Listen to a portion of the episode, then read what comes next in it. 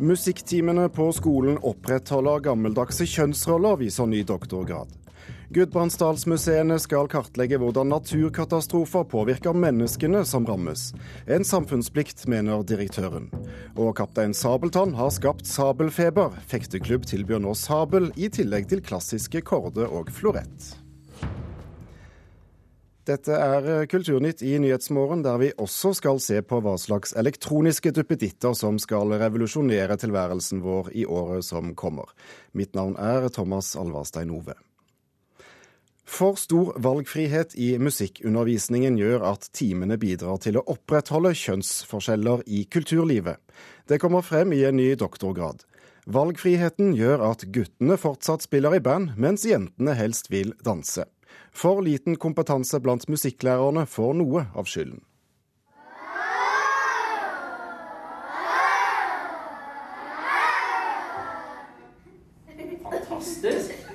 I musikktimen til fjerde klasse på Svenstuen skole i Oslo lærer eleven i dag å improvisere med lyder og musikk. Eh, det er noe jeg har valgt å gjøre, men det berører jo veldig mange av eh, av eh, de tingene som de skal jobbe med i løpet av fjerde klasse, og for så vidt i musikk generelt. Sier musikklærer Theodor Ikonomo. Men hvis elevene selv kan velge, vil de helst gjøre noe annet. Hva er det gøyeste dere liker å gjøre da i musikktimen? Um, velge sang, høre på musikk, ha danseleken. Forteller jentene.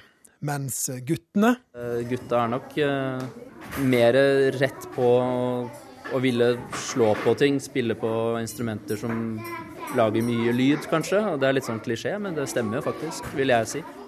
Altså Hvis skolen skal være en arena som, som bidrar til å, å, utjevne en del kjønnsforskjeller i, i kulturfeltet, da, eller musikkfeltet som sådan, så, så er det en liten jobb å gjøre her. Sier førsteamanuensis i musikkpedagogikk Silje Valde Onsrud.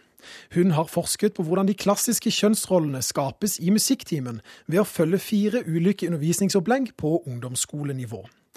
Onsrud mener at elevene i for stor grad får velge hva de selv kan drive med. Dermed velger de fleste guttene å spille i band, mens jentene velger å danse. For eh, når elevene velger sjøl, så er de kanskje mer styrt av hverandre, og dermed er ganske strenge mot hverandre i hva de tillater seg å gjøre. Jeg tenker at man, man, lett kan opprettholde det at det er veldig f.eks. få jenter da, som, eh, som, blir trommeslagere. Det at, det at det er få kvinnelige dirigenter. At det er få mannlige dansere, ikke minst. Altså Dansefeltet er jo veldig prega av, eh, av, kvinner. Det er klart at skolen har, har en viktig rolle i den sammenhengen her, ja sier Kai Lennart Johansen, dosent i musikk ved Høgskolen i Nord-Trøndelag og forfatter av flere musikklærebøker. Pga. at mange lærere mangler kompetanse i musikk, så lar de elevene få lov til å styre mye av undervisninga. Det blir veldig sånn at, at, de gjør det som elevene vil for at de skal eh, ha det greit i timene. Men på Svenstuen skole har musikklærer Theodor opplegget klart. Jeg velger nok i størst grad hva de skal gjøre, og så kan det heller være frihet innad i oppgavene eller i temaene. Selv om ikke alle aktiviteter er like populære blant gutta. Liker du å danse sånn? Nei, ikke så veldig. Hvorfor ikke? Eh, jeg er litt, kanskje litt sjenert. Reporter her var Christian Ingebretsen.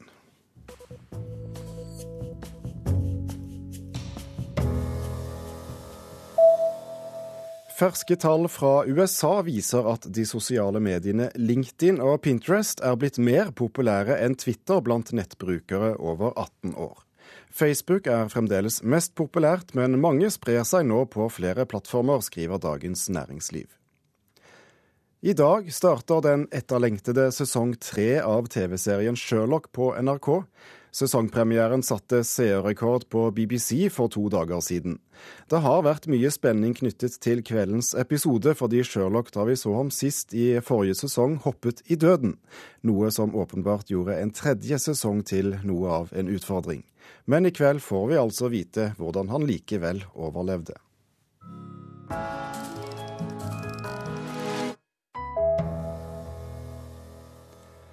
Etter flom og ras her i landet er det økonomiske og tekniske spørsmål som får styre opprydningsarbeid og gjenoppbygging. Det er på tide å finne ut hvordan naturkatastrofer påvirker menneskene som rammes. Det er en samfunnsplikt, mener direktøren ved Gudbrandsdalsmuseene. Nå skal ofrenes erfaringer etter flommene i Gudbrandsdalen i 2011 og i fjor inn i museets fortelling. Av at vi må finne ut hvordan skal samfunnet bedre forholde seg til det som skjer, være bedre forberedt. Og òg det hvordan skal vi lære hvordan, eh, hvordan folk opplever slike katastrofer. Vi kjører i bil gjennom Kvam sentrum i Gudbrandsdalen. Et sentrum som fortsatt ligner på en anleggsplass etter storflommen i mai i fjor. Ja, de driver og ordner opp igjen etter, etter flommen. alt som het. Trond Teigen mistet huset sitt for andre gang på to år. Men folk i Kvam mista noe mer, mener han. Det Tryggheten er borte. Vanligvis når du kommer og låser igjen døra i huset og går inn et om ettermiddagen, ikke sant? da skal du føle deg trygg. Eh, den tryggheten tror jeg er borte her. For mange, i hvert fall. Det er et hus som er borte. Der gravemaskina står. Pinseflommen ødela for 1 milliard kroner, og det er godt dokumentert. Hvordan den rammet rent menneskelig er det ingen som har kartlagt, men det må samfunnet gjøre, mener museumsdirektør Torveig Dahl. Og hun mener det er et museumsansvar. Ja, det er vårt ansvar å jobbe med dokumentasjon i vår samtid, ja. Ikke bare over det som har vært i fjern og nær fortid, men òg jobbe med vår samtid. Eh, kanskje ved å være en eh, lyttende instans eh, uten å være si, en instans som er en del av forvaltningen, kan få fram kloke innspill fra noen som har vært oppi det. Der er takstein. Der er restene av taksteinen din, ja. En liten haug med rester er alt som er igjen av huset til Trond. I 2011 skjedde akkurat det samme. Men han bygde på nytt, på samme sted. Så det var det som gjorde at de bygde opp på samme plassen. Og så var jo det at du fikk forsikring om at det skulle bli helt trygt. Det huset fikk han glede av i seks uker. Da kom flommen igjen. Det, det, det er jo unge oppi dette her, da. Og de, de stiller jo spørsmål hele tida man skal si nå, ikke sant? Nå, nå, nå tror ikke de på det uansett, at det er trygt. Nå er han en av flere som fortsatt må vente i måneder på å flytte inn i eget hus igjen. Han mener det museet vil gjøre, er viktig. Ja, men eh, det syns de er en god idé. For at uh, først kommer det økonomiske, og så kommer det økonomiske, og så kommer det økonomiske. Og, og uh, de menneskelige perspektiver, De blir ikke til hensyn til? Nei, den tar vi lite vare på. Vi er mer inne på det tekniske og økonomiske og finne løsninger sånn at vi skal kunne få sikre på nytt. Det er liksom det som er vårt hovedtema. Det sier regiondirektør i Norges vassdrags- og energidirektorat, Stein Norvi. Han ser at folk blir kasteballer mellom etater etter en katastrofe, med usikkerhet, utrygghet og frustrasjon. Han mener det er på høy tid at den felles beredskapen lærer noe om de menneskelige skadevirkningene. Ja, jeg må nesten være enig i det. Og jeg ser ikke bort ifra hvis det blir satt i gang noe sånn at det er aktuelt for oss å være med å bidra. Museumsdirektøren kan trenge bidrag til prosjektet som på langt nær er fullfinansiert. Planen er å intervjue både folk og etater som var involvert i flommen og oppryddinga. Ja, det røde huset der òg skal vekk, da. Imens venter Trond på ei ny tomt for nå får han ikke bygge på den gamle tomta si mer. Men får du et trygt sted å bo nå? Ja, jeg føler det. Når får du flytte inn i nytt hus igjen, kanskje, da? Kanskje til neste jul. Ja, Det sa flomofferet Trond Teigen til reporter i Gudbrandsdalen, Torunn Myhre.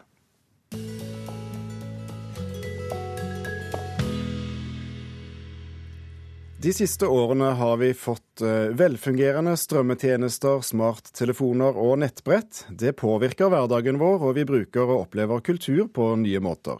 Men hva blir de største nyhetene innen forbrukerelektronikk i 2014? Til å svare på det har vi fått i studio to eksperter på området. Ida Jackson, blogger og informasjonssjef i Store norske leksikon. Og blogger og teknojournalist i din side, Kirsti Østvang. Velkommen begge to. Takk, takk. Hvis vi tar eh, for oss eh, selve duppedittene først, hva, hva, kommer til å komme i 2014? Mye som har vært i 2013. Én uh, ting er kroppsnær teknologi, eller wearables som mange kaller det. Altså dingser vi har på kroppen som gjør at vi kan måle Ja. Alt vi gjør i hverdagen. Skritt, søvn, fettforbrenning eller ja, kaloriforbrenning osv. Så, videre. så dette skal vi gå med hver dag? Ja, og vi skal sove med det. Så da får vi registrert alt vi gjør, og forhåpentligvis får vi bruk for det til nå. ja, har vi egentlig bruk for dette? Ja, altså mange vil jo bruke det til å forbedre hverdagen sin, bli mer aktiv, sove mer om natta. Om folk klarer det, er jeg mer usikker på. Det er jo litt sånn at det er en slags sånn et, slags giftermål mellom smarttelefonen vi er blitt vant til, og en god del type kroppsnær teknologi som ikke har vært så ja, veldig webbete eller smart før. Vi har lenge hatt pulsklokke på treningssenteret for å måle ca. hvor fort hjertet slår. Men nå begynner alle ting å bli koblet sammen og mer og mer sømløst integrert. Og i tillegg til wearables, eh, som definitivt kommer, både armbånd og klokker i året fremover, eh, så tenker jeg også at vi begynner å se at flere og flere av den vanlige hverdagsteknologien vår blir smartere. Så en av de nyeste tingene i USA nå er jo smarte, smarte røykevarslere og smarte dørlokksystemer til privatpersonbruk. Eh, så røykvarsleren din kan sende deg et lite sånn ja, push-varsel når den trenger å skifte batteri eller det skjer noe rart i leiligheten din mens du er på ferie. Eh, så det er nok det at flere og flere av tingene våre blir connected og samler informasjon. Eh, hvis vi ser litt historisk, så har jo Apple gjort det stort med både iPod, iPhone og iPad. De har revolusjonert sine felt innen teknologien. Lukter det noe sånn enkeltstående, revolusjonerende produkt? Eh, alle venter på iWatch, den smarte klokka fra Apple som skal revolusjonere smartklokkene. Og det er sikkert med sånn puls og alt dette her i tillegg? Ja, pulsmåling og ja, den snakker med iPhonen din, kan gjøre alt, uh, antagelig. Og så venter vi alle på Google Glasses, som fortsatt er i produksjon. Uh, og det siste vi hørte nå før jul, var at Google har uh, det er disse, disse brillene. Og nå har de patentert en bitte liten tatovering du kan ha på halsen til stemmekontroll av brillene. Så her begynner ting å virkelig bli sci-fi. Ja, og når all denne teknologien vi da har tett på kroppen, eh, og den, den overvåker oss da hele tiden, og alt dette er tilgjengelig informasjon på nett et eller annet sted, er alt dette til et gode? Eh, holdt på å si både, både, ja og nei. Jeg tenker at vi kommer til å se et personvernsbacklash eh, i det politiske livet fremover pga. den amerikanske overvåkningsskandalen. Eh, og at ja, at vi som forbrukere både må bli mye mer bevisste, men også at, ja, at eh, det er noen etisk ting på tjenestetilbydernes leverandørs side også. Så er det jo sånn at jo mer data man samler, eh, jo mer ser man, og det er en sånn webtrend også, jo mer ser man behov for en smart redaktør som faktisk filtrerer ut det du trenger å se. Eh, og det er jo også en av de sånn, ja, store trendene for 2014. Dette med å å faktisk skille snørr fra bart når du samler inn så utrolig mye informasjon. Men kan vi tenke oss hvem som skulle hatt et slikt redaktøransvar for, eh, for min uh, puls og uh, helse og, og alt dette her, hva, hva brillene viser og osv.? Det burde jo være litt deg selv, litt tjenestene du bruker. Um og Forbrukerombudet bør ha liksom ti fingre med i, i kabalen, kjenner jeg. Ja, for folk er eh, overraskende lite opptatt av personvernet sitt. Så det blir nye utfordringer både for den enkelte av oss, men også for myndigheter og, og aktørene i markedet? Og hvis du tenker på f.eks. digitale låsløsninger og, øh, og røykvarslere, så er jo dette en ting for forsikringsselskapene å bekymre seg for. Eh, hvilken rolle tror dere mobiltelefonen får å spille eh, i året som kommer? Veldig stor, og det blir bare viktigere og viktigere. Ja, Det blir den kanskje ja. viktigste plattformen vår. Og, Hvorfor det? Eh, fordi eh, mobiltelefonen er jo det stedet hvor vi har nettet tettest på kroppen. Eh, og det som er så fantastisk å se, nå har vi jo hatt mobilt nett en stund. Og tidligere så tenkte man at å, men mobilbrukeren vil være helt annerledes enn laptopbrukeren. Men det vi ser, er at vi er kanskje ja, vi er både oss sjøl og vi er mer oss sjøl, og vi bruker mobilen til alt vi ville brukt en stasjonær PC til, og vel så det. Så jeg tenker at en stor sånn varsko til eh, Kultur- og Bedrifts-Norge der ute er at hvis du er en av de få som sitter uten en mobiltilpasset tjeneste, så er dette året virkelig å ikke bare komme på banen, men liksom ja, prøve å komme deg om bord før skipet går. Er du enig i det, Østvang? Ja, det er helt klart. Eh, hvis man ikke har gjort det i 2014, så er det ja. Er det på, på, på høy tid å ja, komme inn. Absolutt. Flere, f.eks. Eh, nettavisene, har jo forsøkt nå å tilpasse seg en ny verden og opprettet betalingsmur, såkalt. Eh, begynner å ta betalt. Eh, hvordan kommer utviklingen til å gå der? Ja, jeg tenker at dette blir veldig spennende å se for nettøkologien fremover.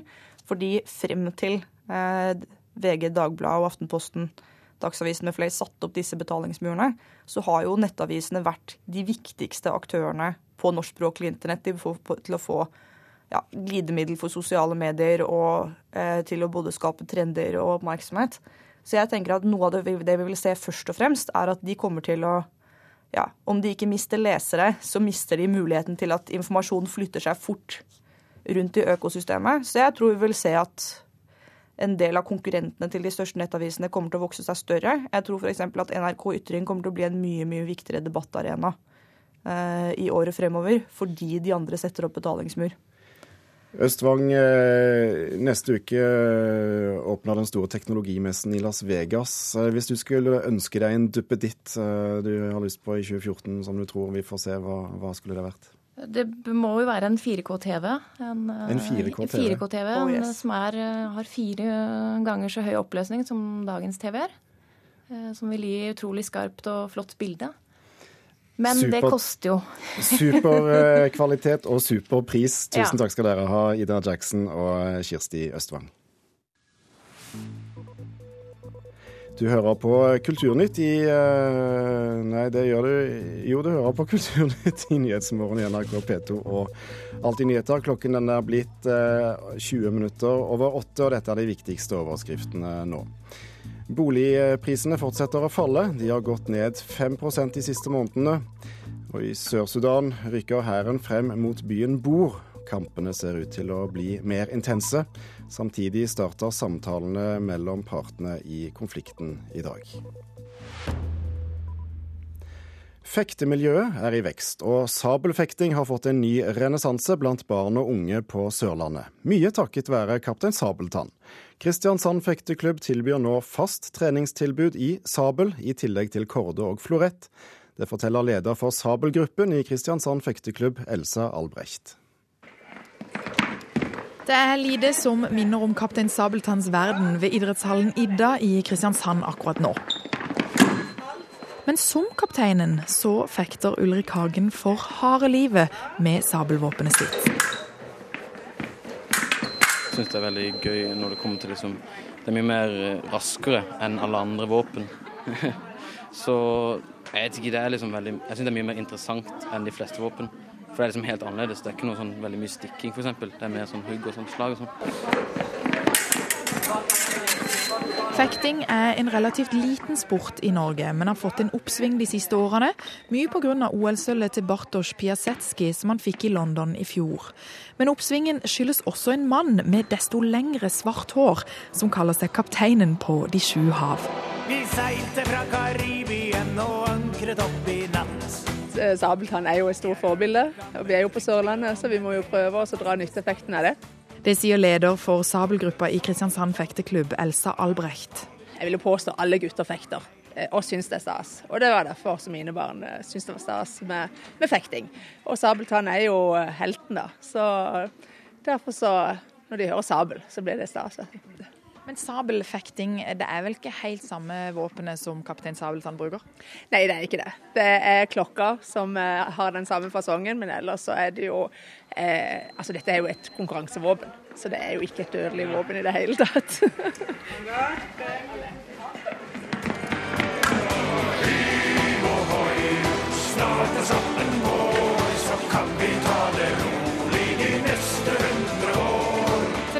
Har Kaptein Sabeltann 25-årsjubileum. Og Terje Formoe kunne aldri forestilt seg at figuren hans for ti år siden ville påvirke unge til å starte med sabelfekting. At de ville fekte med tresverd og sånn, det kunne jeg nok kanskje klare å se for meg. For det gjorde jeg selv da jeg var liten. Men eh, at det skulle bli liksom en litt mer sånn eh, profesjonell vri på det. At de fekter med virkelige sabler og gjør det som en sånn sportslig aktivitet. Det Så synsk var jeg nok ikke. Fortell hvorfor du eh, fekter med sabel. For når jeg var liten, så har jeg egentlig alltid fekta med alt annet, sånn som Star Wars og Kaptein Sabeltann. Og så har jeg veldig interesse for historiske ting. Det viser jo bare hvor stor påvirkning eh, en sånn en karakter kan ha da, for barn og ungdom. Sier Elsa Albrecht, som nå kan telle nærmere 50 medlemmer siden oppstarten i 2009. Og så blir det jo gjort om til noe sunt, da. Altså, idrett er jo fantastisk bra, og da ikke minst eh, fekting, som jeg sier. Det med ære og ærlighet og respekt. Det er noen av grunnreglene som er for fekting. Vurderer du kanskje nå å bli sponsor for Kristiansand fekteklubb, nå som, nå som de har sabelfekting på menyen? ja vel, det, er, det må jo i tilfelle spørre kapteinen da, om han har noen gulldukater å avse. Sabeltannskaper Terje Formoe til slutt, reporter i Kristiansand Mari McDonald. Produsent i dag var Birger Kolsrud Jåsund, teknisk ansvarlig Hanne Lunås, og her i studio Thomas Salvarstein Ove.